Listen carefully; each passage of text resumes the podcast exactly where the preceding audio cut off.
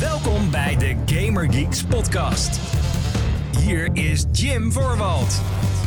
Hallo mede Gaming Geeks, wat leuk dat je luistert naar de Gaming Geeks podcast, de wekelijkse talkshow van GamingGeeks.nl, waarin ik je met alle liefde bijpraat over alles wat er gaan in, is in en rondom de gamingindustrie. Ik ben Jim, zoals je weet. Dit is aflevering nummer 138. De datum van opname is 13 juli 2020.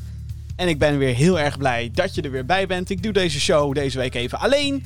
Maakt ook niet heel veel uit. We zitten in een zomerperiode. Ja, ook in gaming zijn er wel eens komkommers. Alhoewel, ook een beetje oneerlijk.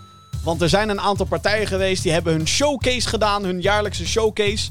Iets wat normaal zou moeten gebeuren tijdens de E3. Dat is een jaarlijks grote beurs. Die dit jaar natuurlijk niet doorging vanwege nou, alle dingen die er in de wereld gebeuren. Iets met een virus en een pandemie. Je kent het riedeltje inmiddels, denk ik wel. Het riedeltje wat je misschien nog niet kent, maar die ik wel graag elke week aan je wil voorschotelen, is dat je deze podcast kan vinden op je favoriete podcastdienst. Zoals Google Podcast, Apple Podcast en natuurlijk Spotify. En alle, allerlei andere diensten zijn we ook op te vinden trouwens. Alleen het zijn er te veel om op te noemen. Maar als je gewoon in je, in je podcast-app intikt Gaming Geeks Podcast, is de kans daar heel groot dat je daar uh, deze show in kan vinden. Um, en als je dit dan enigszins leuk vindt en je luistert heel graag via die podcast, app of dienst of whatever, uh, dan zou ik uh, het heel erg leuk vinden als je zou abonneren op die show. Er is ook een videoversie te vinden natuurlijk op uh, youtube.com slash gamergeeksnl. En zoals ik ook heel vaak doe, is dit op dit moment live op onder andere Twitch. En natuurlijk allerlei andere video's hebben we dat allemaal op gamergeeks.nl. Meer videocontent is daar allemaal te vinden. Zo heb ik um, daar van de week ook een review gemaakt over Ori and the Will of the Wisps. Ik heb die review eigenlijk gemaakt als een soort van reactie op The Last of Us Part 2. Ik heb het daar ontzettend veel over gehad. Ook in deze show natuurlijk. En um, ik dacht toen van, ja, maar wat zijn nou games die ik echt fantastisch vond en die ik nog niet besproken heb? En toen dacht ik, Ori. Ori and the Will of the Wisps is een prachtgame. En in een video van ongeveer 10 minuten vertel ik je hopelijk en weet ik je ook te overtuigen, hopelijk, waarom dat zo ontzettend tof is. Dus uh, ga naar gaminggeeks.nl, check die video, review van Ori and the Will of the Wisps. En ik hoop dat ik daarmee in ieder geval een paar zielen weer kan overtuigen om die prachtige game te gaan spelen. Tenzij je exclusief speelt op een PlayStation 4 of een Nintendo Switch, want dan wordt het inderdaad uh, een beetje lastig. Dus dat. De playlist. Maar het is niet alsof ik dat uh, per se heb uh, zitten spelen deze week. Ori had ik al een tijdje geleden uitgespeeld. Het was nu gewoon een kwestie van een video maken. Maar uh, wat ik wel heb gespeeld, ja, het is een beetje wachten op uh, die ene grote PlayStation game. En dan heb ik het niet over The Last of Us Part 2. Dan heb ik het over, in dit geval, Ghost of Tsushima. Die komt op het moment van opnemen, komt die over vier dagen uit. Ik ben hyped. Um, de reviews zijn er nog niet van uh, uh, ja, gaming outlets die er daadwerkelijk toe doen. Uh, abonneer op deze show, zodat wij er ook toe doen. En we van tevoren een code kunnen aanvragen. En eerder het nieuws bij jou kunnen brengen. Ja. Anyway, um, ja, of Tsushima lijkt me echt helemaal fantastisch. is een open world game met samurais. Wordt gemaakt door Sucker Punch, de makers achter Sly Cooper. De eerste paar Sly Cooper games. En Infamous op zowel PlayStation 3 als PlayStation 4. Uh, die, game, die nieuwe game komt ook alleen maar naar PlayStation 4. En het ziet er eigenlijk gewoon uit als Assassin's Creed Samurai. Maar dan super mooi. Gewoon de sfeer druipt er vanaf. Althans, als ik de trailers mag geloven. En ik kan niet wachten. Maar uh, ik heb dus niet echt per se een nieuwe game zitten spelen. Ik heb alleen maar dingen zitten spelen die ik al had. Of, of nou ja, waar ik uh, eindelijk een keertje in kon duiken. Ik heb natuurlijk weer meer Call of Duty gedaan. Ik heb een grote haat-liefdeverhouding met die game. Um, het ene moment vind ik het helemaal fantastisch en hou ik ervan om allemaal noobs af te knallen. En het andere moment denk ik. En dan komen er allemaal gekke, gekke geluiden um, uit mijn mond. Die ik hier niet zal herhalen in deze show. Maar laat ik het zo zeggen. Uh, de game is heel vaak. Echt waar. Soms dat ik denk, wat de fuck is dit? Maar goed, um, uh, uh, Call of Duty Warzone nog steeds. Uh, het begint een beetje een verslaving inmiddels te worden. Ik moet nog steeds een Victory Royale halen, namelijk met een clubje. Met een, met een groepje. Duo's, trio's, quads, maakt niet uit. Uh, dat is me nog niet gelukt op dit moment, op het moment van opnemen. Ik heb wel een paar keer gewonnen in mijn eentje. Maar ja, ik wil ook met een groepje... Nou goed, je snapt het wel. Anyway, een andere game die ik heb gespeeld. En um, dit is wel geinig, want... Ik, um, meestal speel ik natuurlijk games omdat ik gewoon lekker, uh, gewoon, gewoon lekker wil spelen. Maar zo nu en dan komt er een game voorbij dat ik denk... Hé, hey, dat zou wel een keer interessant zijn om daar een video over te maken. Het is bijna alsof ik uh, dat YouTube-kanaal van Gaming Geek serieus neem. Maar uh, ik heb gedoken in de Halo Master Chief Collection. Ik heb een hele rare geschiedenis met Halo. Halo is een van de grootste gaming-namen die we hebben. Ik bedoel, weet je wel, als je zegt Xbox, dan zeg je Halo. Weet je, dan is het van, oh shit. Weet je, Halo is gewoon een begrip in gaming. Alleen, ik heb daar nooit echt. Um, ik ben er nooit echt ingedoken, omdat ik nooit een Xbox heb gehad. Ik, ik heb uh, uh, Xbox, de originele Xbox, overgeslagen. Ik was een puber die had een Gamecube en een PlayStation 2 en vond dat eigenlijk wel voldoende. Um, Xbox 360, toen de tijd ook overgeslagen. Nu heb ik wel een Xbox 360 thuis staan. Uh, met een aantal games, maar dat is allemaal een beetje achteraf. Dus het is niet alsof ik de hype toen. Ik, ik, ik was geen Xbox-man. En Xbox One ook overgeslagen, want ik heb een PC, ik heb een PlayStation 4, ik heb een Nintendo Switch. Dus het is altijd een soort van langs mij heen gegaan. Maar, zoals je wellicht weet, is uh, Halo nu ook op PC te spelen, officieel. Uh, nou zijn er al eerder Halo PC-releases geweest. Maar ze hebben in ieder geval nu de Halo Master Chief Collection uitgebracht. En uh, de afgelopen paar maanden zijn ze continu uh, dingen daarbij aan het toevoegen. Dus um, ze begonnen met Halo Reach. En daarna brachten ze Halo 1 uit. En Halo 2. En Halo 3 komt volgens mij. Deze of volgende week komt Halo 3 dan naar PC. En daarna doen ze nog Halo 3 ODST en Halo 4. Dus ze gaan in een soort van chronologische volgorde. Gaan ze door die games heen. Dus, en ik dacht van, hey, Halo Infinite, dat wordt een nieuwe. Die gaat binnenkort geshowcased worden met gameplay. En uh, ja, weet je, dat wordt toch wel de eerste keer dat een Halo-game zowel op Xbox als op PC tegelijkertijd uitkomt. Dus ik dacht, nou, dit is misschien wel gewoon het moment om erin te springen. Dus ik heb een beetje zitten klooien met Halo Reach. Dat is de, de prequel, zeg maar. Um, chronologisch gezien ook de eerste. En alhoewel ik nooit zal meekrijgen de multiplayer hype die er ooit was. Um, het leek me wel leuk om in ieder geval door die singleplayer campaigns heen te gaan. En dan te kijken of ik het meer kan begrijpen dan aan de zijlijn. Weet je wel, Halo. Ik, ik, ik, bedoel, ik snap waarom Halo. Ik weet waarom Halo toen de tijd een big deal was. Toen de eerste Xbox uitkwam. Ik weet waarom Halo een big deal was tijdens Xbox 360. Maar ik heb het nooit meegemaakt. Ik heb het zelf nooit gespeeld. Tuurlijk heb ik wel eens een leveltje her en der gedaan. Je kent het wel, maar niet echt uren achter elkaar. Dus ik dacht, dit is perfect. Gewoon, ik ga al die gekke Halo games ga ik spelen. In ieder geval de singleplayer. Op de weg naar Infinite. The Road to Infinite. Dus dat heb ik gedaan. Ik heb de eerste paar uur in Halo Reach gezeten. De, de campaign. En uh, ik vind het heel erg knap hoe een game uit 2010... Want deze specifieke Halo game kwam toen uit voor Xbox 360. Hoe die eigenlijk nog heel erg uh, leuk is om in 2020 te spelen. Natuurlijk hebben ze allerlei dingen gedaan zodat de PC-versie extra goed draait. En je kan op hoge resoluties, je kan op, uh, hoe heet het, op gekke, um, allerlei andere beeldverhoudingen. Muis en toetsenbord. Je kent het hele riedeltje wel natuurlijk. Maar ja, het is wel heel erg knap, vind ik gewoon. Hoe, hoe die game leuk blijft. En het is natuurlijk nog best wel ouderwets in sommige opzichten. Alleen deze game doet een paar dingen. Wat ik gewoon echt heel tof. Wat heel veel shooters tegenwoordig. Ik klink nu als een soort boomer opa terwijl ik dit zeg. Maar Halo Reach doet mij weer uh, herinneren. Dat shooters ook meer kunnen zijn dan alleen maar gangetje, gangetje, gangetje. Het klinkt heel gek om te zeggen. Maar er zijn heel veel shooters, ook waar ik dol op ben, wat in essentie gangetje, gangetje, gangetje is. En Halo doet dat toch echt wel anders. Want in het eerste uur van Halo Reach uh, ben je uh, ook door gangetjes aan het schieten, maar ook door grote velden. En je hebt een snipermissie. En je gaat een voertuig in. En je gaat vliegen. En je gaat al die gekke dingen doen.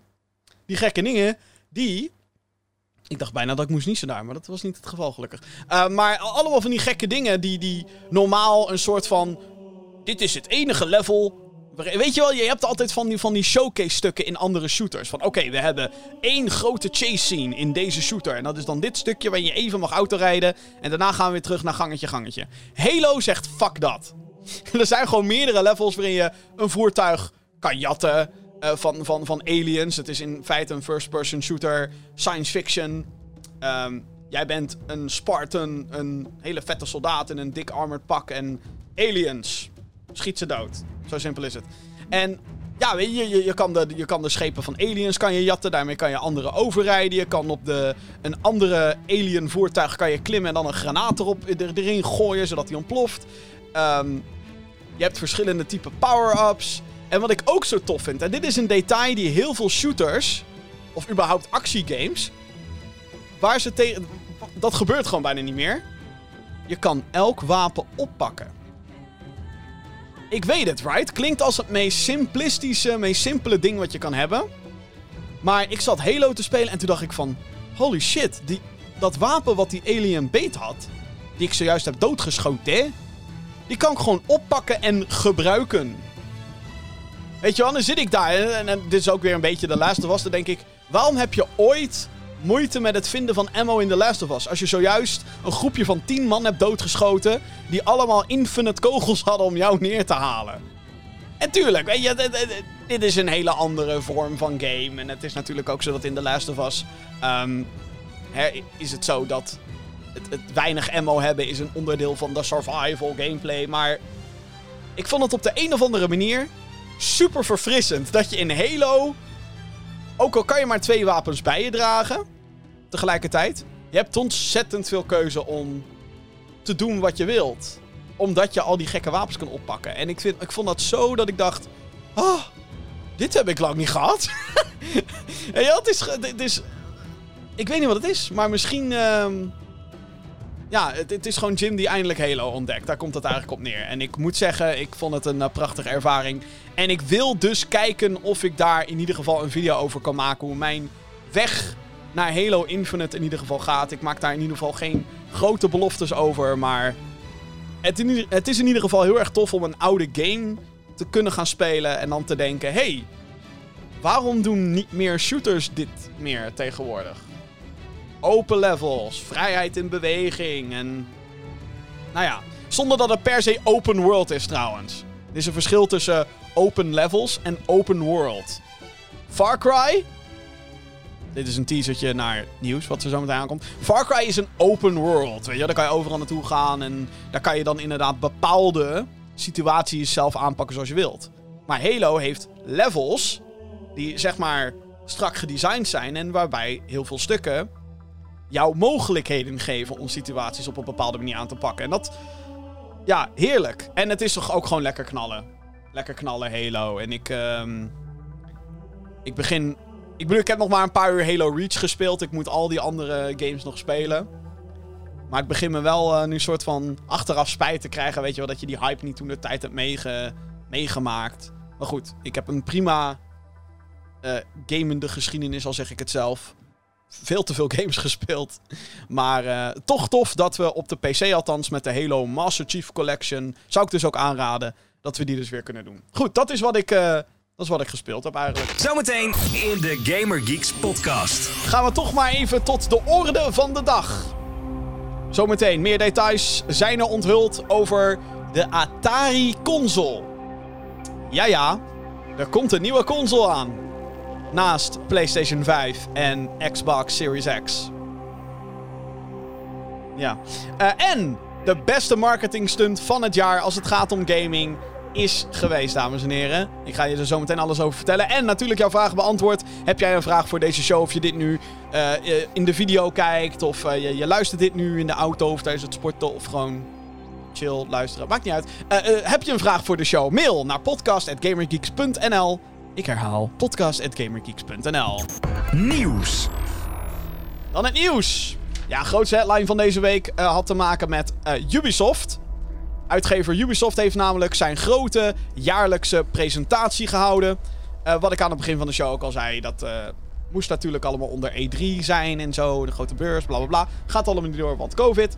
uitgever Ubisoft heeft zijn digitale presentatie gehouden met de naam Ubisoft Forward. Ik heb daar heel veel grapjes over gemaakt met Ubisoft Forward. Maar ja, goed, heel weinig mensen moesten daarom lachen. Dus daarom ben ik altijd genoodzaakt om een lachbandje te starten. Anyway, de Franse uitgever die staat, uh, of partij, staat bekend om meerdere grote franchises. waarvan we een aantal ook hebben kunnen zien tijdens de presentatie, de digitale showcase. Zo hebben Watch Dogs Legion en Assassin's Creed Valhalla beide een release datum gekregen. De games komen respectievelijk op 29 oktober en 17 november uit voor PlayStation 4, PlayStation 5, Xbox Series X, Xbox One en PC. Dus Watch Dogs op 29 oktober en Assassin's Creed Valhalla 17 november. Verder werd er nog aandacht gegeven aan de nieuwe Battle Royale shooter van Ubisoft, Hyperspace. Daar hebben we het vorige week ook al even over gehad. Na een technische test uh, afgelopen paar weken is er nu een open beta beschikbaar voor PC. Dus iedereen met een degelijke PC kan de game nu gewoon spelen. Als laatste werd Far Cry 6 officieel onthuld. Giancarlo Esposito, bekend van zijn rol als rol, bekend van zijn rol als Gustavo Fring in Breaking Bad en Better Call Saul. Die speelt de hoofdrol als the bad guy. Verder belooft het wederom een open world first-person shooter te worden met alle features die je zou verwachten van de franchise. Uiteraard. Uh, Far Cry 6 verschijnt 21 februari 2021 op PC, PlayStation 4, PlayStation 5, Xbox One en Xbox Series X. Als laatste werd bekendgemaakt dat de uitgever van plan is later dit jaar nog een dergelijke presentatie te houden. Dus dit was niet de enige Ubisoft Forward die ze hadden. Dus, uh, dat was een beetje een samenvatting. Er werd nog wat meer getoond. Uh, Brawlhalla, Cartoony Fighter, die komt op 6 augustus naar mobile. Er komt een nieuwe Might and Magic mobile game. Um, en dat was het eigenlijk wel. dat was het. Er was nog een trailer voor uh, Tom Clancy Elite Squad. Wat voor type mobile game dat moet gaan worden, geen idee. Maar je kan daar in ieder geval als Division, Ghost Recon en Splinter Cell character spelen. Joepie. Maar goed, laten we even langs de games gaan dan. Assassin's Creed Valhalla. Oké, nou wacht. laat ik het eerst even hebben over de leaks. De lekken die voor deze presentatie plaatsvonden. Op de dag dat Ubisoft Forward werd uitgezonden uh, was Far Cry 6, of de dag daarvoor. Nou, anyway, Far Cry 6 was gelekt van tevoren. Met een hele plot synopsis dat Giancarlo Esposito uh, de hoofdrol zou gaan spelen. Uh, de release datum, alles was al gelekt. Alles was al gelekt. Um, en dit was eigenlijk een grote verrassing. Sad. Heel erg sad voor Ubisoft. Oké, laat ik dan, dan ook meteen over uh, Far Cry hebben. Uh, Far Cry 6, ja, een nieuwe Far Cry game. Kijk, ik ben altijd wel te porren voor een Far Cry game. Um, ik vind die games meestal wel echt leuk om te spelen. Het is open world, het is een soort digitale speeltuin. Waar je kan knallen, en voertuigen op kan blazen. En uh, je het meestal opneemt tegen cults van gekke mensen. Of grote drugsorganisaties. Mijn favoriet is Far Cry 3. Die Michael Mendo in de hoofdrol heeft als Vaas. Een van de beste videogame bad guys ooit. Ik noem hem altijd Vaas de Baas. Die is gespeeld door Michael Mendo overigens. Die ook in Better Call Saul speelt. En ook in die serie een verhouding heeft met Gustavo Fring, die nu dus in Far Cry 6 Whatever. Uh, er zit een linkje daar. Een grappig linkje. Anyway, Far Cry 3 vond ik fantastisch. 4 vond ik leuk. 5 vond ik uh, ook wel uh, goed, leuk. New Dawn vond ik leuk. Nou goed, meestal ben ik echt wat te porren voor, voor, voor Far Cry. Dus hier ook, weet je al, tof. Er komt een nieuwe Far Cry. Natuurlijk komt er een, nieuwe Far Cry. Het enige wat een beetje jammer is, is dat we alleen maar een cinematic trailer kregen Waarin Giancarlo Esposito. Um, of Juan. Ik werd, ik daar nog op aangesproken dat ik zijn naam verkeerd zeg. Maar dat, dat die gast in ieder geval El Presidente is. In een. Uh, uh, wat lijkt op een Zuid-Amerikaans land. En waarin hij zijn zoon soort van laat zien: hier, kijk, dit is een granaat. En weet je, wie zijn hier nou de bad guys? Zijn wij dat? Of zijn de rebellen dat? Die zonder moeite ons gebouw in de fik willen steken. Met, ze, met ik doe hem trouwens heel slecht na. Dit was niet eens echt een poging tot imitatie of zo. Maar in diezelfde koude manier zoals deze acteur Gus Fring heeft gespeeld. En uh, wat dat betreft uh, verheug ik me er wel heel erg op. Alleen is het jammer dat we niet echt iets van gameplay te zien hebben gekregen. Uh, achteraf werd er natuurlijk wel wat info gedeeld over hè, hoe de game gaat spelen en de features. En het, het klonk allemaal weer zoals Far Cry. Dus je hebt ook weer companions, die kunnen met je mee reizen. En en lekker gaan knallen met z'n allen. En nou ja, je kan weer basissen veroveren.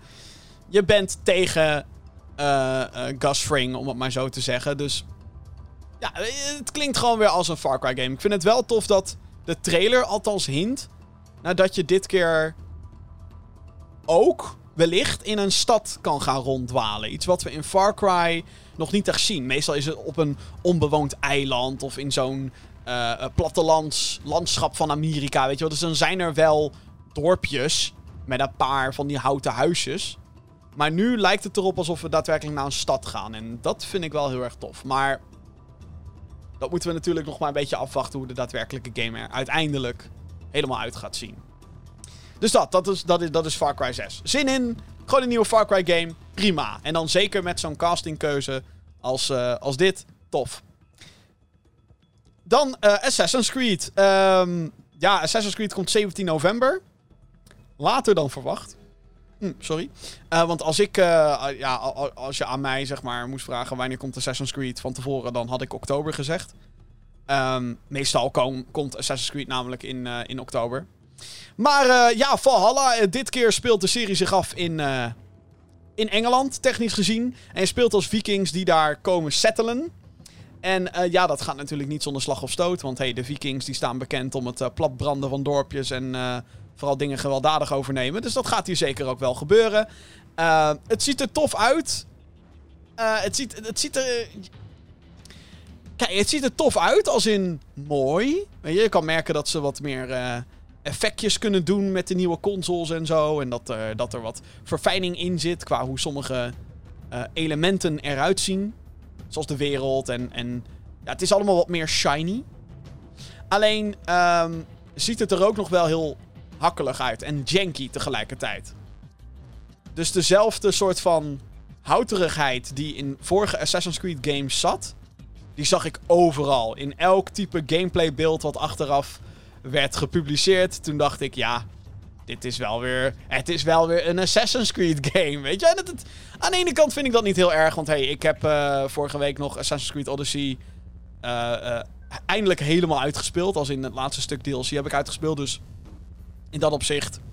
Ik, ik vermaak me er wel mee, waarschijnlijk. Um, ze hebben ook een paar frustrerende dingen uit de vorige delen hebben ze een beetje weggehaald. Zoals dat hele levelen en RPG. Er zit nog wel dingen zoals gear in en, en skill trees en zo. Maar niet meer dat je level 20 bent of level 40. Dat soort shit hebben ze eruit gehaald. Daar ben ik blij mee. Um, en ja, dat lijkt gewoon wat meer opties te hebben. Dus je hebt nu dat je dorpen moet bestormen. Je kan uh, wat meer minigames doen, zoals Viking rap battles en, en, en drinkcompetities. Wie kan er beter zuipen? Nou, ik zal waarschijnlijk in het echte leven meteen nokkie, nokkie, nokkie gaan tegen deze Vikings. Maar hey, het gaat om het idee. En um, ja, je kan nu alles dual-wielden schijnt. Uh, dus je kan elke uh, combinatie van wapens kan je gebruiken in gevechten. Dus je kan een zwaard en een zwaard, of een hamer en een zwaard, of een, twee schilden. Dat kon ook om een beetje die gimmick te showcase. Dus dat is wel heel tof dat je op die manier wel echt je eigen steltje kan creëren. Dus ja, lijkt me wel weer een toffe game. Alleen, um, ja, als je dan kijkt naar dingen zoals in-game cutscenes en gesprekken en hoe vijanden zich gedragen tijdens het spelen, dan denk ik wel, oh ja, ja, ja, ja we zitten gewoon weer in een videogame, mensen. Uh, wat ik al zei, het is een beetje typisch Assassin's Creed. Maar dan op die klungelige manier. Dat je denkt, oh. Desalniettemin, heel veel zin in. Uh, Collector's Edition staat bij mij natuurlijk in de pre-order, zoals je zou verwachten. En um, waar ik ook stiekem benieuwd naar ben, want de beelden die we natuurlijk overal te zien krijgen, zijn van de next-gen versies. Hè, Xbox Series X, PC, PS5. Hoe gaat dit eruit zien? Dat geldt overigens voor alle games nu, waar we nu beelden van te zien krijgen. Uh, hoe ziet dit eruit op PS4? Niet dat ik die versie ooit ga spelen, want hey, PC, hallo. uh, maar, maar alsnog, ben altijd wel benieuwd naar hoe ze, hoe ze dat weten te vertalen over meerdere platforms. Um, dan degene waar ik zelf wat minder enthousiast over was tijdens de presentatie, was Watch Dogs Legion. Dit is wederom een open world game. Alle Ubisoft games zijn tegenwoordig open world. Dus ook Watch Dogs. En de eerste twee Watch Dogs games gingen dan over dat je een dude was en die kon vrijwel alles hacken met zijn telefoon. Dus je kan camera's hacken, dan kan je mensen bespioneren. Je kan uh, turrets hacken, je kan stoplichten uh, doen flippen. Zodat je chaos creëert op een kruispunt, zodat je weg kan komen van de politie. En Watch Dogs Legion, het derde deel in de serie, die gaat weer wat verder. Um, deze speelt zich af in Londen. En ehm, de gimmick achter deze game is dat je iedereen in de wereld, in theorie, kan recruiten voor jouw, jouw clubje, DeadSec, het hackersclubje. Uh, en elk character type heeft natuurlijk weer zijn of haar voordeel. Uh, dus een paar nieuwe types die ze uh, lieten zien was bijvoorbeeld een, een bouwvakker die... Ehm, die kan dan een soort van hefdrone kan die besturen, waardoor hij op andere plekken kan komen. En hij kan natuurlijk op bouwplaatsen komen zonder dat hij in de problemen komt. Datzelfde geldt voor bijvoorbeeld een Secret Agent. Dat was een soort van John Wick-achtig personage. En welke hadden ze nou nog meer? Er was er nog eentje. Nou, er zijn in ieder geval een aantal stereotypes die je zeg maar kan recruiten. En um, dan kan je daarmee missies uitvoeren. Tof, weet je wel, leuk. Alleen wat ze vervolgens deden in al die trailers en shit, is dat ze alles zo ontzettend over de top maakten. Qua stijl en qua uh, hoe gek iedereen deed. Dat het bijna leek op een soort futuristische Mad Max. In plaats van dat ik het idee had dat je hier in een near future Londen zit. Want dat was eigenlijk het toffe van Watch Dogs. Is dat je.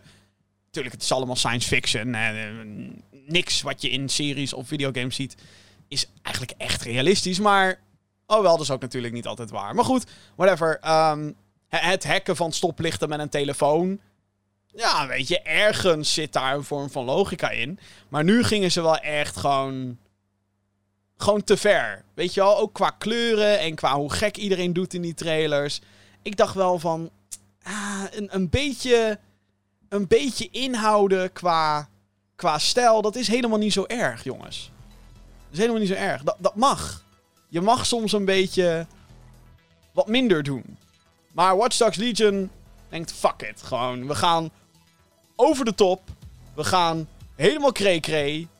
En uh, geniet er maar van. En weet je, aan de ene kant... Why not? Uh, ga vooral lekker de regels overtreden. Maar...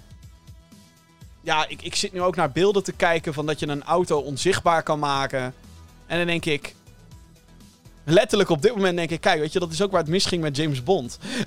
bij James Bond kan je erg over de top gaan, maar bij Die Another Day, waarbij Mr. Bond ook een onzichtbare auto kreeg. Toen dachten mensen ook zoiets van, nou, misschien ga je nu een beetje te fur of zo. Althans, dat was mijn persoonlijke indruk daarvan. Um, dus ja, wat dat betreft is dit misschien wel gewoon Die Another Day the game.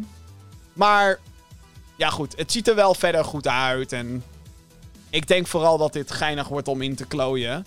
Um, oh wel, dat moeten we natuurlijk nog maar zien. Want kijk, heel eerlijk, ik heb Watch Dogs 2 nooit gespeeld. Uh, Watch Dogs 1 wel.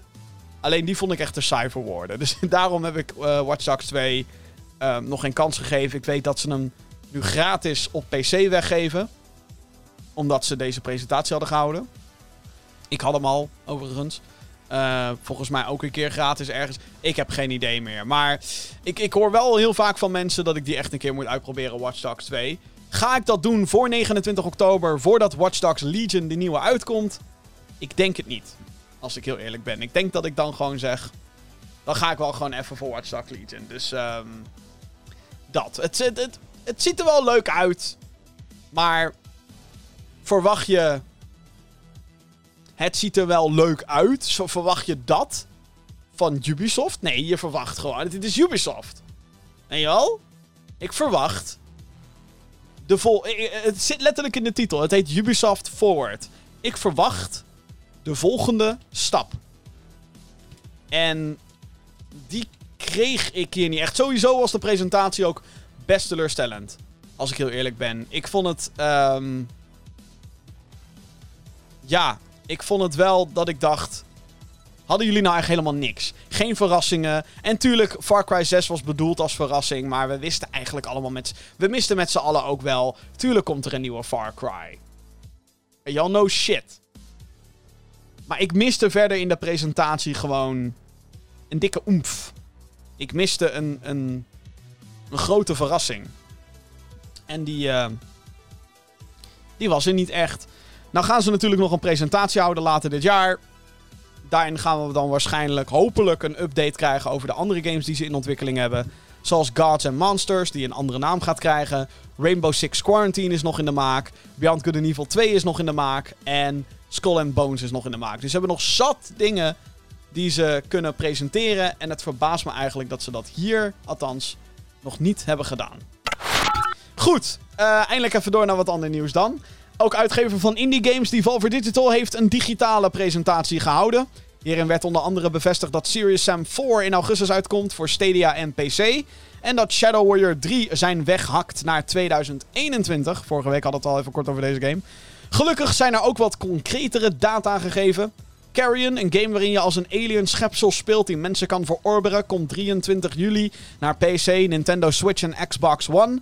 Fall Guys, een game waarin 60 spelers bepaalde parcours moeten afleggen, waarna er na elke ronde een aantal afvallen. Die game wordt fantastisch, echt geweldig. Uh, heb ik vorig jaar al mogen spelen op Gamescom. Ik heb me suf gelachen, heel erg leuk. Uh, die komt in ieder geval 4 augustus naar PC en PlayStation 4. Verder werd er een 2D pixel art game onthuld, uh, onthuld met de naam Olia. Hierin heb je een harpoon waarmee je allerlei vijanden kan afmaken. Die kan je ook besturen en die kan rondvliegen. Deed mij een beetje denken aan... God, hoe heet dat ene personage uit Guardians of the Galaxy? Die met fluiten kon die ook een speer besturen. Yando? Michael Rocker speelde hem. Die blauwe gast uit Guardians of the Galaxy. Hij. Uh, deed me daar een beetje aan denken. Als klap op de vuurpijl werd Devolverland Expo aangekondigd. Een game, tussen aanhalingstekens, die, gratis, eh, die je gratis kan downloaden en spelen. Het uh, stelt een digitale namaak van de LA Convention Center voor, met daarin allemaal stands voor Devolver Games. Naast de zojuist genoemde games zijn daar ook trailers in te vinden voor Blightbound en Disc Room. Dit was de beste marketingstunt van 2020. Gewoon, na zo'n presentatie, ja, het is de toekomst van de toekomst en we gaan niet meer naar conventies toe. Jij gaat naar de conventie toe via je computer en nou, je kan dat dus nu ook downloaden. Uh, Devolverland Expo. Je komt in een namaak van wat de E3 zou zijn. Die hallen, die herken je wel. Die, althans, ik ben zelf nooit bij E3 in persoon geweest. Maar ik heb genoeg beelden te zien om te weten dat ze dat soort van aan het namaken waren. Maar dan is alles Devolver Digital. En die stands. Het is heel tof om daar rond te lopen in, in first person. En daarnaast moet je ook security bots afweren. Want die komen jou zoeken. Want je mag daar eigenlijk niet komen, weet je al. En, en, aan het begin van de game pak je dan ook een, een, een merchandise gun op die t-shirt schiet. Waardoor je die robots tijdelijk even kan uitschakelen. Het is heel erg tof gedaan. Een hele toffe manier om die trailers nog een keer aan je voor te schotelen. Dat was ook een beetje mijn probleem. Ze hadden eigenlijk gewoon een hele korte sketch moeten houden. Want de 75% van de tijd bij die Volver Digital presentaties wordt gevuld met sketches. Um, ze hadden gewoon een sketch moeten houden. Hier is Shadow Warrior 3, want die hadden ze van tevoren beloofd. Wil je meer trailers van deze, deze en deze fucking awesome games? Die Fall for Land Expo, bla bla bla. Zou wel natuurlijk risicovol zijn, want je weet dat heel veel mensen aan het kijken zijn. En ze kijken onder andere voor die trailers. Maar het haalt wel een beetje de waarde van die hele toffe marketing stunt weg. Omdat je. Ja, ik, ik zat dat ook te spelen uh, direct na deze presentatie, nadat ik dit gezien had. En ik zat wel zo van, ja. Ik heb al deze trailers eigenlijk al gezien.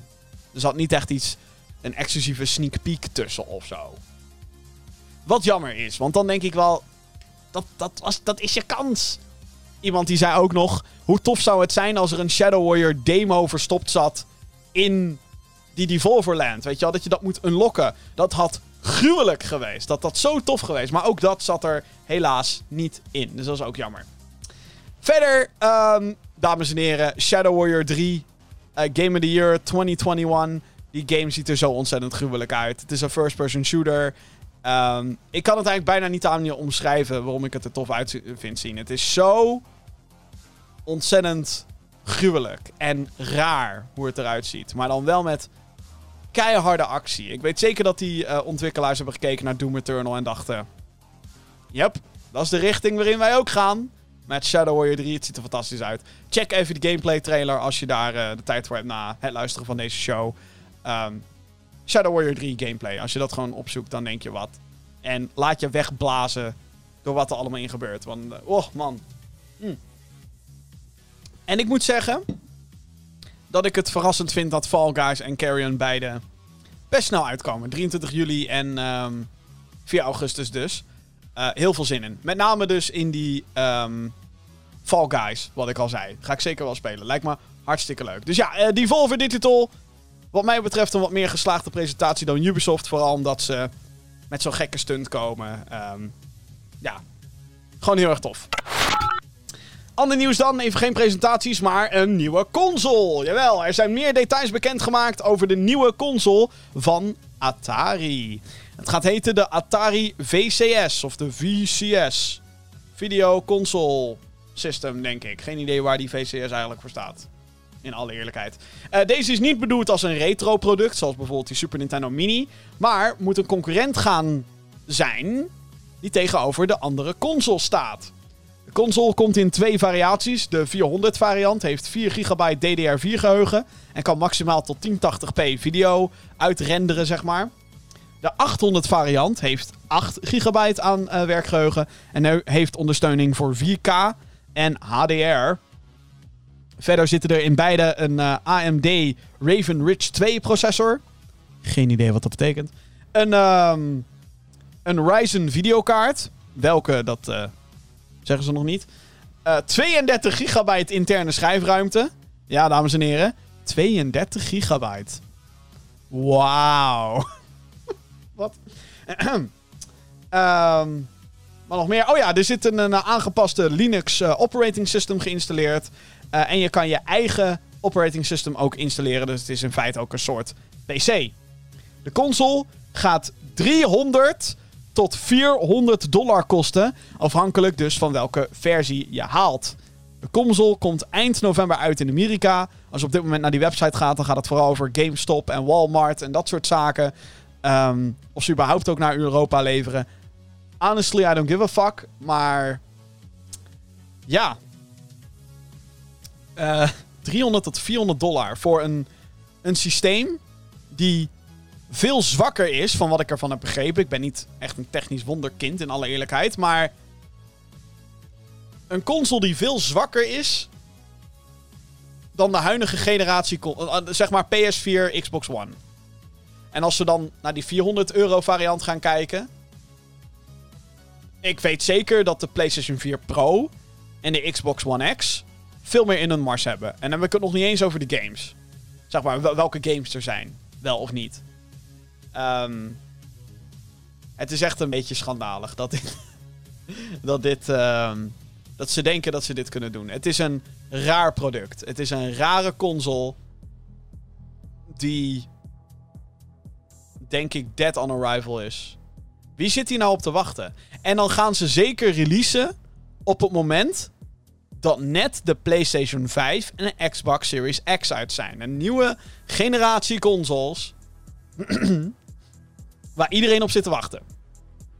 Die ook met super toffe games gaan komen. De enige games die nu bevestigd zijn voor Atari VCS is een collectie aan Atari games. En een grote collectie aan casual, kleine multiplayer indie games. En tuurlijk, indie games zijn waardevol. Daar niet van. Maar 400 euro? Nee. Gewoon nee. 400 fucking euro. ik bedoel, waarschijnlijk kan je 100 euro bij gaan leggen. En dan heb je een PlayStation 5. Of een Xbox Series X. Waarschijnlijk. Weten we natuurlijk nog niet. We weten nog niet wat de prijzen gaan worden van de next-gen consoles. Maar dan ga je toch gewoon even doorsparen. In plaats van een Atari VCS. En tuurlijk, er gaan mensen zijn die dit ding uit nieuwsgierigheid gaan kopen. Maar dit is gewoon what the fuck? En sowieso is er natuurlijk amper marketing voor dit ding geweest. De console is ontstaan uit een fucking Indiegogo crowdfund campagne. Nou, we weten allemaal hoe het gaat met consoles die uh, ontstaan zijn uit een crowdfund campagne. Zoals de Ouya. Ken je de Ouya nog? Hè? De Ouya? De revolutie van indie games? Dood. Kapot. En dat was een, een, dat was een klein doosje van 100 dollar of zo. Dat was niet eens, of 150 dollar, weet ik veel. 100? Geen idee meer. Maar geen 300, 400 dollar. Fuck off, Atari. Wat de fuck zijn jullie aan het doen? Het is echt... Het is bijna... Ik zag al een aantal mensen hierop reageren met... Het, lijkt wel een scam, gewoon dit. Lijkt wel een scam. Natuurlijk niet in de zin zoals een fucking pre-order shop, maar lijkt wel een scam. Het is echt... What the fuck. Dus ja, mensen, eh, dat is een ding die je wat mij betreft lekker verder kan negeren. De Atari VCS, waarschijnlijk een kansloze console. Die eh, tot wel tien keer verkocht gaat worden. Tien. En dat is aan de hoge kant, denk ik. Goed, eh Mafia Definitive Edition is uitgesteld. Wat? Nee. De remake van de open world game zou eerst eind augustus moeten uitkomen. Dat was althans de bedoeling. Voor de eh, PlayStation 4, Xbox One en PC. Maar komt nu 25 september naar die platforms. Hmm. Even extra lang wachten dus, of ietsjes langer wachten. Een paar maanden geleden werd de Mafia Trilogy nieuw leven ingeblazen met een re-release van Mafia 3 en een remaster van Mafia 2. Alle games hebben overigens de noemer Definitive Edition, dus dat maakt het een beetje verwarrend. Eh, een review van de vernieuwde versie van deeltje 2 is nu te vinden op GamingGeeks.nl. Mafia 1 wordt dus een volledige, echt volledige remake in plaats van remaster of re-release eigenlijk. Dus daarom zijn mensen wat meer gehyped en daarom duurt de ontwikkeling waarschijnlijk ook wat langer. En is het natuurlijk eh, belangrijk dat deze in goede staat uitkwam. Kleine spoiler voor de review van Mafia 2 Definitive Edition. Ik was niet onder de indruk.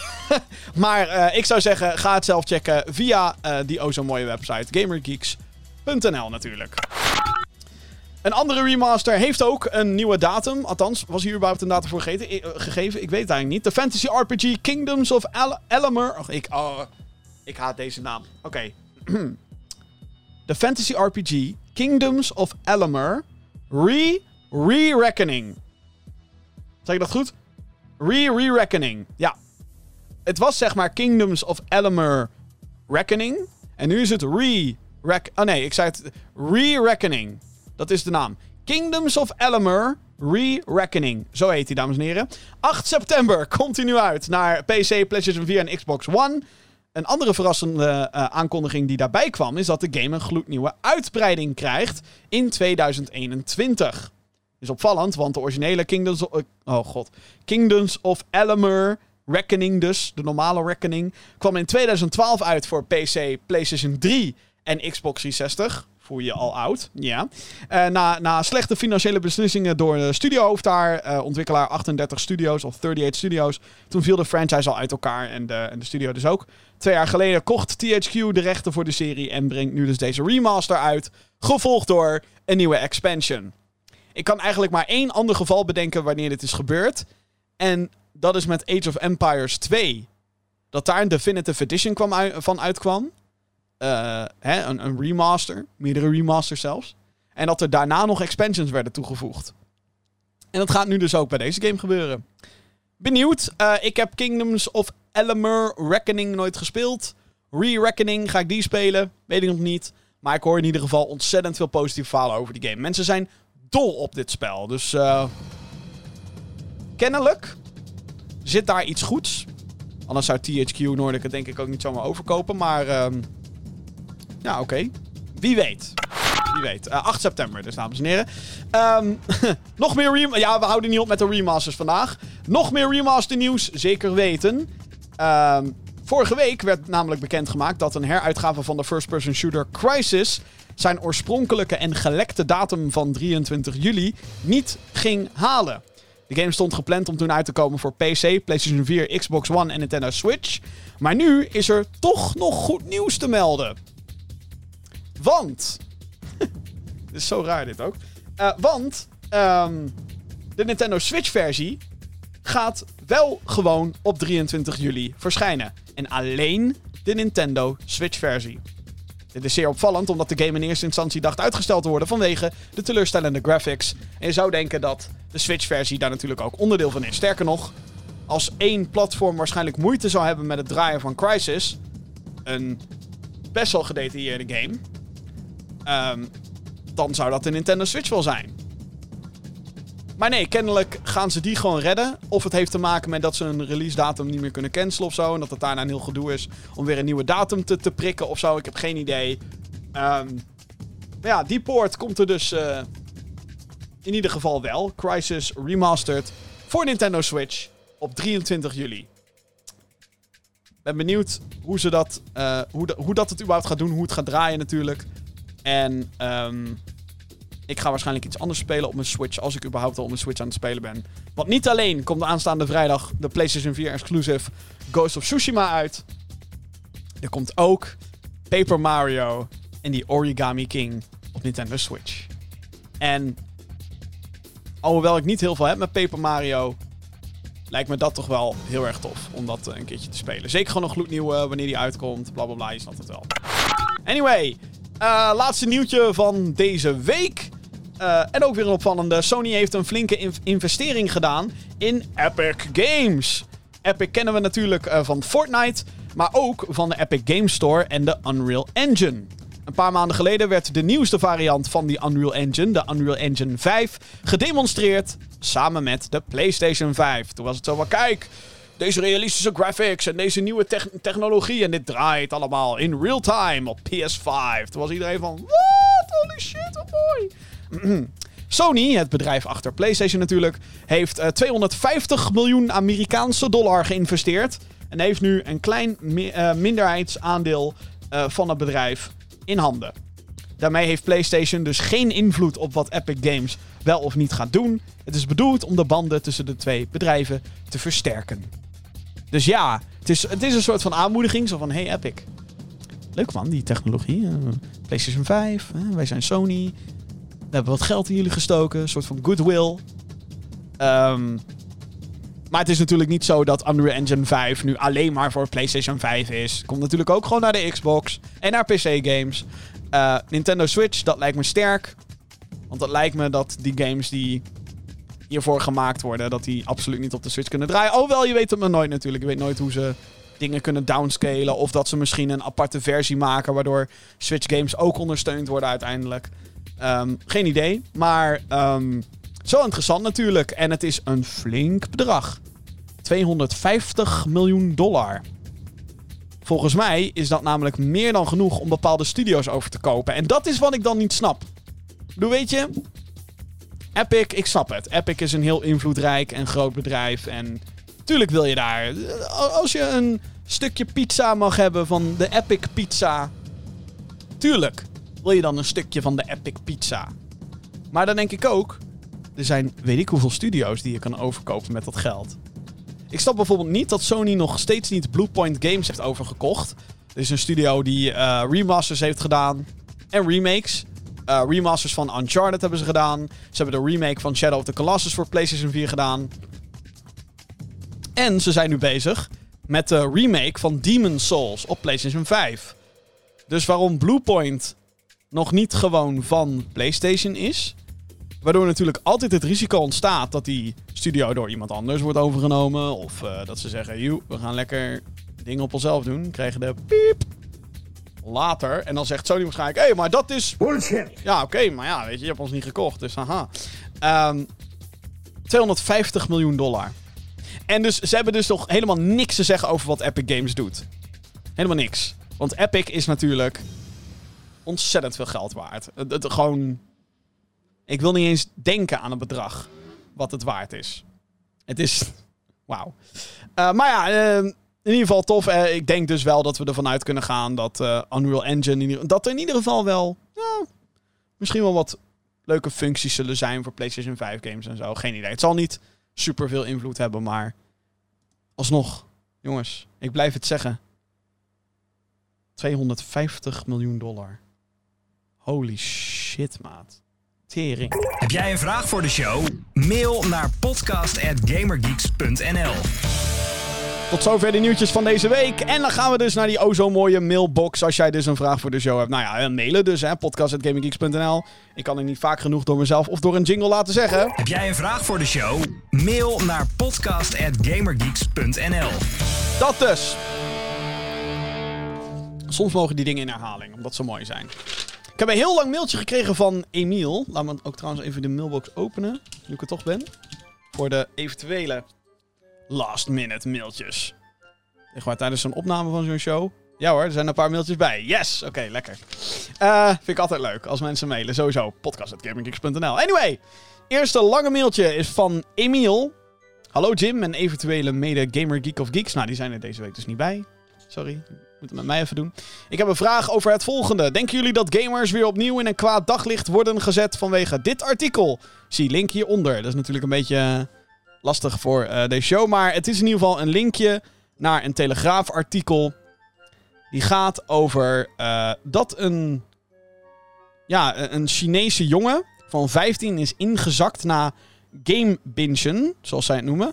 Twee uur slaap per dag, zo luidt de headline. Zal ik een stukje voorlezen? Ja, joh.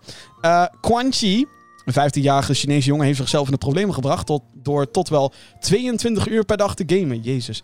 Hij stortte thuis in elkaar nadat hij niet meer naar school ging vanwege het coronavirus. De jongen, alias Xiaobin, zou uh, maar een paar uur per dag slapen om na het opstaan meteen achter de computer te kruipen. Uh, toen hij weer aan het binge-playen was, stortte hij plots in, meldt het Chinese Nanning TV. Hij kon zijn arm en hand niet meer bewegen en werd met spoed naar het ziekenhuis gebracht. Holy shit. De jongen bleek een herseninfarct te hebben gehad, stelde een dokter vast. Zijn moeder wil met het verhaal andere jongeren waarschuwen. Dat is een beetje het artikel. Credits naar Telegraaf. Dit was pure plagiaat. Um, dus de vraag was: denken jullie dat gamers weer opnieuw in een kwaad daglicht worden gezet vanwege dit artikel? Of dat de term gameverslaving weer wordt gebruikt? gebruikt? Jim had daar ook, ik, hallo, een video over gemaakt met als titel De mainstream media faalt. Ook GameKings had een video-item, maar dan over geen stijl, omdat geen stijl een andere kijk had op gamers. Zij vonden dat gamers nerds waren die veel stonken en zich nooit wasten.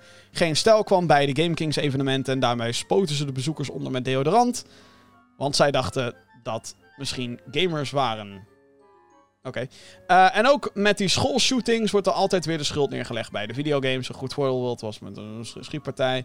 Uh, toen werd inderdaad Doom werd dan de schuld gegeven. Uh, wat is jullie mening hierover? Vind gewoon dat de media eens een keer langs moet gaan bij een gamer. En dat zijn of haar visie over de games die worden gespeeld. En dan ben ik wel benieuwd uh, of de media het dan nog durft om gamers een kwaad daglicht proberen te zetten. Als er een schoolshooting is geweest of dan een persoon overlijdt door te veel gamen. Voor de rest wil ik zeggen dat jullie top zijn en met plezier met de podcast. Kijk, groetjes van Emiel. Luister, Emiel. Ik ga even heel straight met jou zijn. um, ik heb inderdaad een video gemaakt. Eentje die ik ook wederom van harte aanraad om te kijken. De mainstream media faalt. En wat ik in die video doe, voor degenen die het nog niet gezien hebben. Um, wat ik daar doe, is ik analyseer daar een interview die uh, gehouden werd op NPO Radio 1. Dat waren Dionne Staks en Twan van Peperstraten. Um, en ze hadden het over de PlayStation 5. En dat deden zij met Martin Verschoor, hoofdredacteur van de Power Limited. En dat interview, dat in plaats van dat het over de PlayStation 5 ging en of dat de volgende stap wordt voor gaming en, hè, wat, wat er allemaal gaat gebeuren. Dit was voor die grote PlayStation 5 showcase. Daar ging het over. In plaats van dat het daarover ging, ging het weer over... Um, zijn games gewelddadig? Moeten we onze kinderen niet beschermen? Uh, Dionne Staks vraagt zelfs: gamen consoles? En uh, wat is er nou zo leuk aan gamen? En ik ben van mening. Oh, sorry, ik stoot tegen de microfoon aan. Uh, maar ik ben van mening dat we anno 2020 niet meer de vraag hoeven te stellen: wat is er nou zo leuk aan gaming? Weet je wel, ik bedoel. Tuurlijk, dit is een beetje een, een, een geeky podcast. Dit is de Gaming Geeks podcast. Hallo, leuk dat je er bent. maar gaming is ontzettend breed. Het artikel wat jij nu aanscherpt, Emiel, over dat een jongen je instort. Ik heb het hele artikel gelezen. En het is eigenlijk gewoon uh, een feitenrelaas. Het is eigenlijk gewoon de feiten neerzetten. Er is gewoon nieuws dat een Chinese jongen is ingezakt naar gamebingen. En laten we ook gewoon heel eerlijk zijn. 22 uur per dag gamen en 2 uur slaap. Dat is niet gezond. dat moet je niet doen. No shit. En ik vind het goed dat jongeren ook daarop gewezen worden. Van ook al heb je alle tijd van de wereld. Dat zou ik trouwens ook zeggen. Ga niet 22 fucking uur per dag gamen. Ga ook af en toe naar buiten. Weet je wel? Doe dat ook eens. Het probleem natuurlijk is, is dat het stereotype heel vaak is. Dat ze zeggen, oh ja, dat zijn gamers en die gaan nooit naar buiten. Bla bla bla. Weet je wel, dat. dat. Dat is het hele stereotype en daar heb ik wat op tegen. In het Telegraafartikel wat jij naar mij hebt gelinkt, is eigenlijk gewoon alleen maar over dat die jongen is ingestort. 22 uur per dag gamen, herseninfarct en um, iets over een digitale detox of dat wel of niet zou helpen volgens een arts. En er is inderdaad een digital detox kamp. Maar ik vind niet, nergens in het artikel Dus goed gedaan, Telegraaf, zou ik bijna willen zeggen. Maar nergens in het artikel wordt iets gezegd van... alle gamers zijn levenloos. En alle... Weet je wel? Wat is er nou zo leuk aan gaming? Nee, dit is gewoon een nieuwsbericht over... gaming. Dus nee, ik vind niet dat dit artikel schadelijk is... omdat het gewoon een opvallend nieuwtje is... die gebracht wordt door de Telegraaf. Weet je, ik, uh, ik heb er een hekel aan als de mainstream media faalt als het gaat om hè, het, het, het, het, oh sorry, het rapporteren of het interviewen als het gaat om gaming. Omdat ze dat vaak zonder respect doen en gewoon niet nadenken over... Goh, games zijn er al een tijdje. Hè? Laten we niet meer doen alsof dat door twee nerds wordt gedaan. Maar dat is hier gewoon niet het geval. Dus de mainstream media faalt heel vaak. Maar dit is dan niet zo'n geval waarin, waarin dat gebeurt. Zeg maar.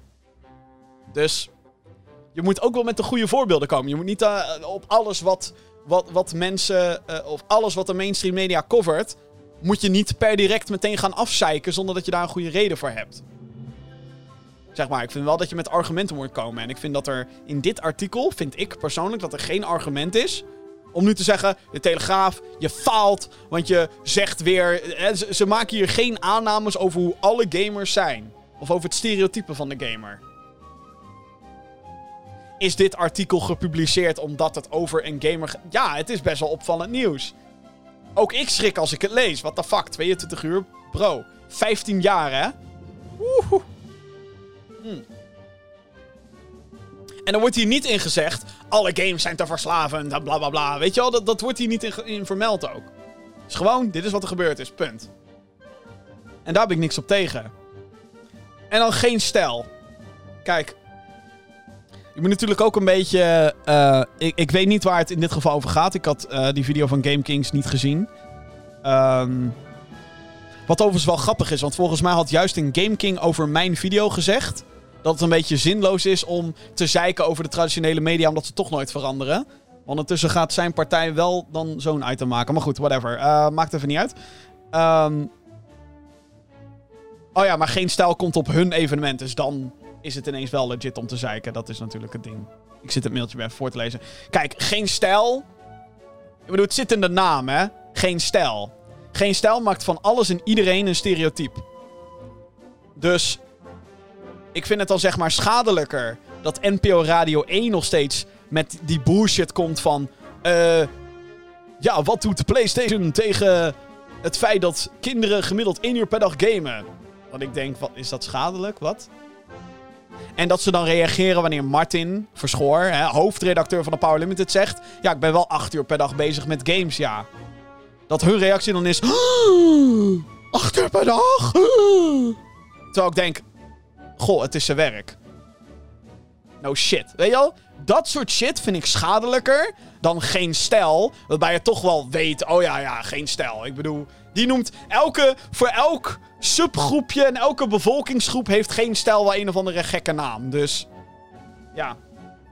Kijk, hier is een tip voor Game Kings. Um, ik denk ook niet dat geen stijl daar op de perslijst staat of zo. Of dat die First Look... Ik ga er even vanuit dat het over First Look gaat. Omdat zij daarbij betrokken zijn. Met die Deo-spuitbus en zo. Uh, nodig ze anders gewoon niet meer uit. En ontzeg die mensen de toegang. Dat. Dus ja, nee, ik, uh, kijk, weet je, ik ben, ik ben helemaal. Uh, en, als er ooit weer zo'n voorbeeld uh, ergens op kon duiken. waarin de televisie weer keihard faalt met een of ander kut item over games. of er komt weer zo'n heel slecht radio-interview. dan ben ik waarschijnlijk weer geneigd om er een video over te maken. Maar mijn boodschap is: je moet dan niet ineens alles wat de mainstream media ma maakt gaan haten. en je moet het wel bij de juiste partijen zoeken. Kijk, dat, en, dat geen stijl gamers nerds noemt en zo. No fucking shit. geen stijl. Hallo. Dat is alsof je complimenten gaat zoeken op Dumpert. Je gaat het niet vinden, jongens. Je gaat het bijna niet vinden. Uh, maar NPO Radio 1 en RTL en de NPO in zijn algemeenheid... Ja, die hebben denk ik wel wat meer, wat mij betreft, wat meer lading om hun, om hun journalistieke werk goed te doen. Ik neem geen stijl persoonlijk niet serieus. Dus en dat doen ze volgens mij zelf ook niet. Dus waarom zouden wij dat wel doen? Goed. Dat was dat hele lange mailtje. Anyway. Um... Oh, kijk, daar, daar, we, hebben, we, hebben, we, hebben, we hebben weer een vraagje van the one and only. Helly, de Helminator. Oh god, ik stoot de hele tijd tegen. Tegen mijn microfoon aan, excuses. Helly, de Helminator. Yo, yo, yo, yo, yo, yo, yo, yo. Dat staat ook in zijn mailtje. Yo, yo, yo, yo. Podcastje gamen. Van de Gaming Geeks podcast, a.k.a. podcast host meneer. Jezus. Welke game ga jij deze zomer niet spelen? En waarom niet? Groetjes van Helly. Jeetje. Ehm... Ja, dat is een goeie. Even kijken. 2020 in video gaming. Wat komt er allemaal uit deze zomer? Wat komt er naar jou deze zomer? Omer, Omer. Even kijken. Wat ga ik niet spelen? Eh... F1 2020. I don't care. Um, hmm. Fairy Tale. I don't care. Fast and Furious Crossroads. Horizon Zero Dawn. Op PC ga ik waarschijnlijk skippen. Want ja. Ja, waarom? Project Cars 3. Wasteland 3. Desperados 3 ga ik ook niet spelen. Um, dat denk ik.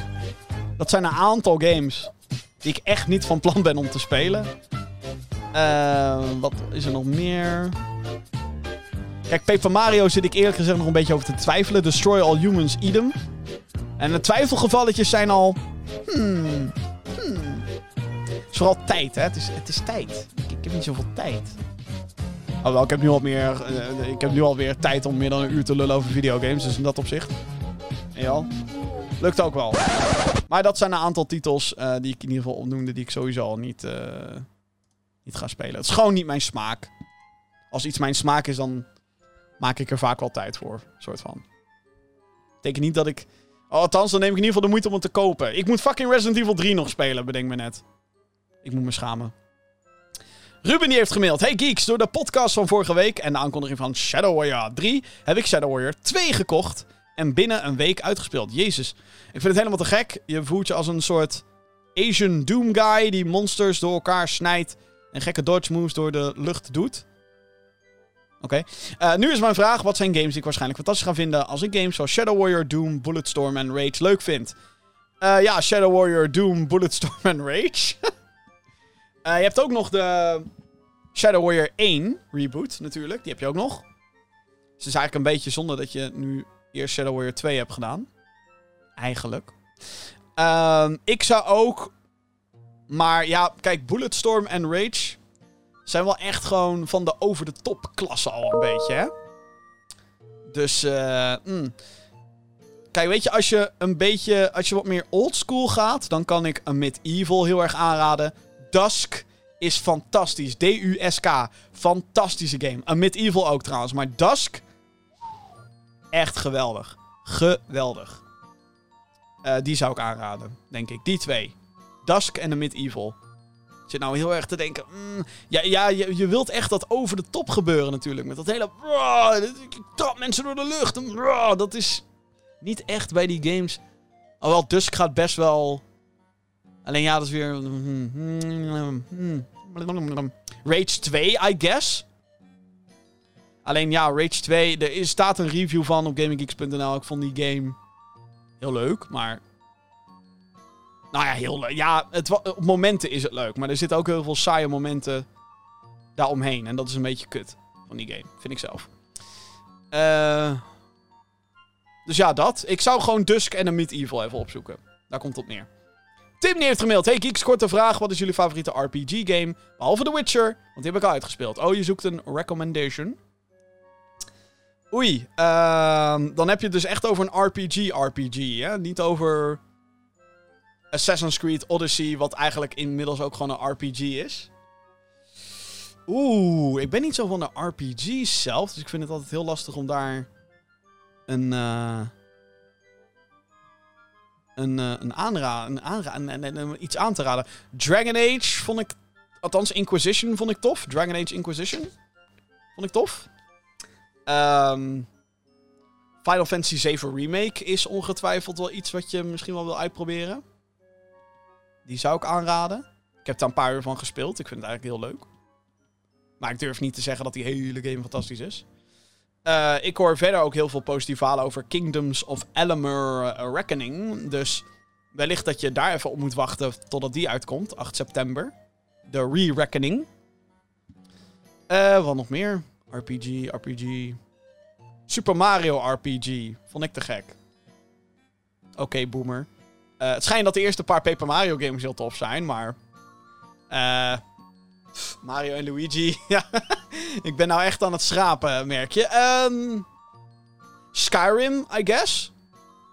Ja, Skyrim. Heb je Skyrim nog niet gespeeld? Fallout 3. Ja, Fallout 3 is wel heel ouderwets inmiddels, maar Skyrim. Dat. Boris heeft gemaild. Beste geeks, een aantal uur geleden is een gameplay online gezet van Valhalla door, door Red Brad. Ik was benieuwd wat jullie ervan vinden. Sommige shots zaten er, zagen er nogal uit. Wat betreft graphics vond ik met name cutscenes. Eh, Volgens mij heb ik daar al een beetje commentaar op gegeven over hoe die game eruit ziet. eh, eerder in deze show. Dus eh, skip even terug naar mijn gedoe over Ubisoft Forward. En de laatste is van Nick. ik merk dat mijn stem echt naar de klote gaat als ik in mijn eentje een show host. Jeetje, Mina. Zo. Hallo Jim. Er gaan geruchten dat volgende week al de Nintendo Direct is. Die eigenlijk in augustus plaats zou vinden. Oh? nou, ik heb wel iets gelezen over dat er misschien een Nintendo Direct komt ergens in. op 20 juli of zo. Even kijken hoor. Nintendo, ik uh, google nu gewoon even Nintendo Direct nieuws. Volgende Nintendo Direct mogelijk in juli. 20 juli, dat, dat is het gerucht volgens mij. 20 juli. Ehm van iemand die had al eerder een datum uitgelekt. Hmm. Zou zomaar kunnen. Ja, eigenlijk in augustus. Kijk, uh, Nintendo's hele marketingplan is eigenlijk helemaal naar de kloten. Want geen E3, COVID, allemaal. Als, er, als je ergens hebt gemerkt waar marketingplannen door naar de kloten zijn gegaan, dan is het bij Nintendo. Want holy shit, niks van.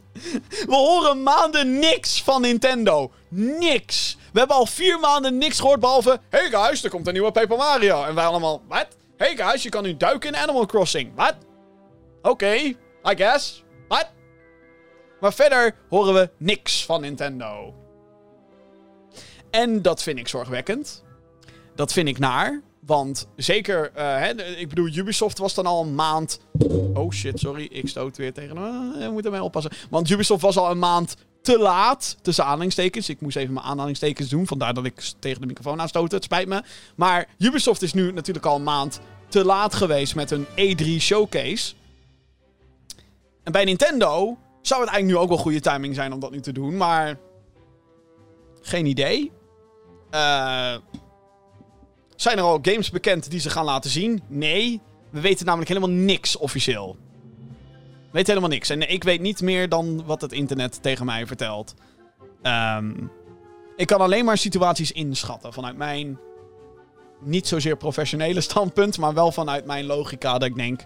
Ah, nou. Nick vraagt ook nog: wat vind je van de Mario Remaster geruchten? Nou, er was dus inderdaad een paar maanden terug een, uh, een rumor of een leak, je het ook wil noemen. Niet echt een lek, want we zagen niet echt iets, maar in ieder geval een rumor dat Nintendo bezig zou zijn met een remaster van Super Mario 64, Super Mario Sunshine en Super Mario Galaxy in één pakketje voor de Nintendo Switch. Klonk bij mij als iets wat te mooi was om waar te zijn. Waar het niet dat die guy ook zei: Oh ja, en dit jaar komt er ook nog een Paper Mario. Toen dacht ik, nou weet je, klinkt allemaal als bullshit. Maar aanstaande vrijdag komt er een nieuwe Paper Mario. Dus dat geeft meteen al wat meer gewicht aan zo'n rumor, aan zo'n theorie. Dat ik denk, oké, misschien is het nog waar ook. En we weten voor de rest nogmaals helemaal niks van wat Nintendo dit jaar gaat doen. Mijn Switch ligt al stof te happen, want ik ben klaar met Animal Crossing. Misschien dat Paper Mario dat ding weer uit het stof haalt. Maar hey, Ghost of Tsushima komt ook uit, what the fuck. Um, kijk, die... Het ligt eraan wat ze gaan doen met die games. Nintendo is niet echt een bedrijf wat zegt... Oh, hier heb je Super Mario 64. Zoals het eruit zag op de Nintendo 64. Alsjeblieft. Als ze dat doen, zou ik dat fucking disappointing vinden. Dat ten eerste. Dus. En het is. Nou, kijk, weet je, aan de andere kant hebben ze dat. Ze hebben één keer wel zo'n Super Mario 25th Anniversary pakket gedaan. En dat was dan ook gewoon Super Mario All-Stars op de Wii. Zonder enkele verbetering of wat dan ook. Dat was ook een beetje disappointed. Dus ik zou het zelf heel kut vinden als gewoon hier, hier, Super Mario Sunshine en hier, hier Super Mario Galaxy en fuck you. Zeker nog, ze moeten die shit wel aanpassen vanwege de verschillende type controls en zo. Ze moeten wel iets ermee doen natuurlijk. En dan hoop ik dat het gewoon remakes zijn. Dat het gewoon is dat je denkt, holy shit. Super Mario 64 in HD. Weet je wel, wat we, wat we zagen... Ehm, nou, laat ik het zo zeggen. Als je Super Mario Odyssey hebt uitgespeeld... Dan, dan krijg je een soort van hint van hoe Super Mario 64 er op een Switch uit zou kunnen zien, in theorie. En... Holy fuck! dat wil ik wel spelen. Dus, um, en daarom klonk, klonk, het voor mij althans te mooi om waar te zijn. Want Nintendo is natuurlijk een bedrijf. wat gewoon maar al te graag een Wii U-game weer opnieuw uitbrengt voor de Switch. En daar 60 euro voor vraagt. 60 euro die ik soms ook gewoon met liefde heb neergelegd. Zoals bij Mario Kart 8. Hebben heel veel mensen gedaan. Nou hebben ze daar natuurlijk ook wel echt wat dingen aangepast ook en zo. Maar Donkey Kong Country, Tropical Freeze. Ik had hem niet op Wii U. En nu heb ik hem op de Switch. I don't care. Hier heb je mijn 60 euro. Sterker nog, ik ben van mening dat Nintendo al hun fucking Wii U-titels naar de Switch moet brengen. En het feit dat we nog steeds geen Pikmin of een fucking Zelda uh, Wind Waker HD of een Twilight Princess HD remakes, re-releases hebben gehad op de Switch, dat frustreert mij enorm. En ik ben niet eens zo'n groot Pikmin-fan, weet je wel. Fucking maar gewoon breng die shit naar Switch. Hup, al je Wii U shit naar Switch. Gratis geld, bijna. Gratis geld. Basically. En daarom vind ik het bijna te mooi dus, om waar te zijn, dat Nintendo zegt... we gaan drie remakes in één pakket stoppen, 60 euro, hier bam, drie klassiekers... waarvan we denken, holy shit, wat, hoe dan? Um, maar ja, wat ik al zei, het feit dat die guy Paper Mario bij het rechte eind had... Misschien? En als dat hun grote klapper is voor het einde van dit jaar... en ze houden verder hun mel dicht... Prima. Maar uh, ja, Nintendo is gewoon het meest onvoorspelbare bedrijf wat er is. Van de grote partijen, zeg maar. Gewoon, er is bijna geen touw aan vast te knopen. Ja, wie had gedacht dat ze ooit met een fucking Pokémon Step zouden komen, zeg maar. Wie had verwacht dat ze, ondanks de matige verkoopcijfers van Luigi's Mansion Dark Moon op de 3DS, dat ze alsnog Luigi's Mansion 3 zouden maken. Leuke verrassing. Maar wie had verwacht dat we het nu al 17 jaar zonder een nieuwe F-Zero moeten doen? Of 16 jaar. Lang. Ik bedoel, F-Zero. Wie had verwacht dat... Nou ja, goed. En zo kan ik nog wel even doorgaan. Case in point. Ik kan, ik kan nooit voorspellen wat Nintendo doet. Ik heb echt geen idee. Dus ik denk gewoon... Dat we... Um, ja. We moeten het gewoon lekker afwachten. Nou, laat Nintendo hun ding doen. En dan zien we. Um, dan zien we vanzelf wat er gebeurt. En laten we hopen dat uh, Nintendo meer in hun mars heeft dan alleen maar Paper Mario en een Mario Remaster. Want. Kom op. Nintendo. En ik weet het, het, is allemaal lastig nu met, met COVID en zo, maar alsnog. Goed. Dat was het laatste mailtje van de avond. Ik wil jullie allemaal weer bedanken voor het mailen. En zoals je weet, hè, uh... Heb jij een vraag voor de show? Mail naar podcast.gamergeeks.nl zeggen, blijf vooral lekker mailen. En dat gezegd te hebben... Uh, deze show zit er bijna op. Uh, de 138e aflevering van deze Gamer Geeks podcast. Uh, mocht je het tot hier hebben gered, dan wil ik je heel graag bedanken dat je het tot hier hebt gered. En um, dan zou ik heel graag aan je willen vragen of jij zou willen abonneren op deze show. Dat kan je doen via je favoriete podcast-app, zoals Google Podcast, Apple Podcast en of Spotify. Er is ook een uh, videoversie die is te vinden op youtube.com slash.